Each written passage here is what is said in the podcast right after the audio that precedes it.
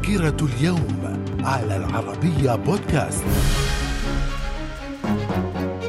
أهلا بكم ومن ذاكرة الرابع والعشرين من أغسطس من العام 1516 وقوع معركة مرج دابق بين المماليك والعثمانيين. في العام 1572 وقوع مذبحة سان بارثليميو والتي قتل بها ما يقرب من أربعة آلاف من البروتستانت الفرنسيين ودبر هذه المذبحة ملك إسبانيا فيليب الثاني والبابا وبعض الكاثوليك. وقد اعتبر الكاثوليك هذه المذبحة نصرا كاثوليكيا. في الرابع والعشرين من أغسطس من العام 1912 انضمت ألاسكا للولايات المتحدة وأصبحت أرضا أمريكية. في العام 1954 رئيس البرازيل جيتوليو فارغاس يستقيل من منصبه وينتحر بعد ذلك بسبب تزايد الأزمة السياسية في البلاد. من الذاكرة. في العام 1991 ميخائيل غورباتشوف يستقيل من رئاسة الحزب الشيوعي السوفيتي وأوكرانيا تعلن استقلالها عن الاتحاد السوفيتي. في الرابع والعشرين من أغسطس من العام 1995 طرح ويندوز 95 في الأسواق.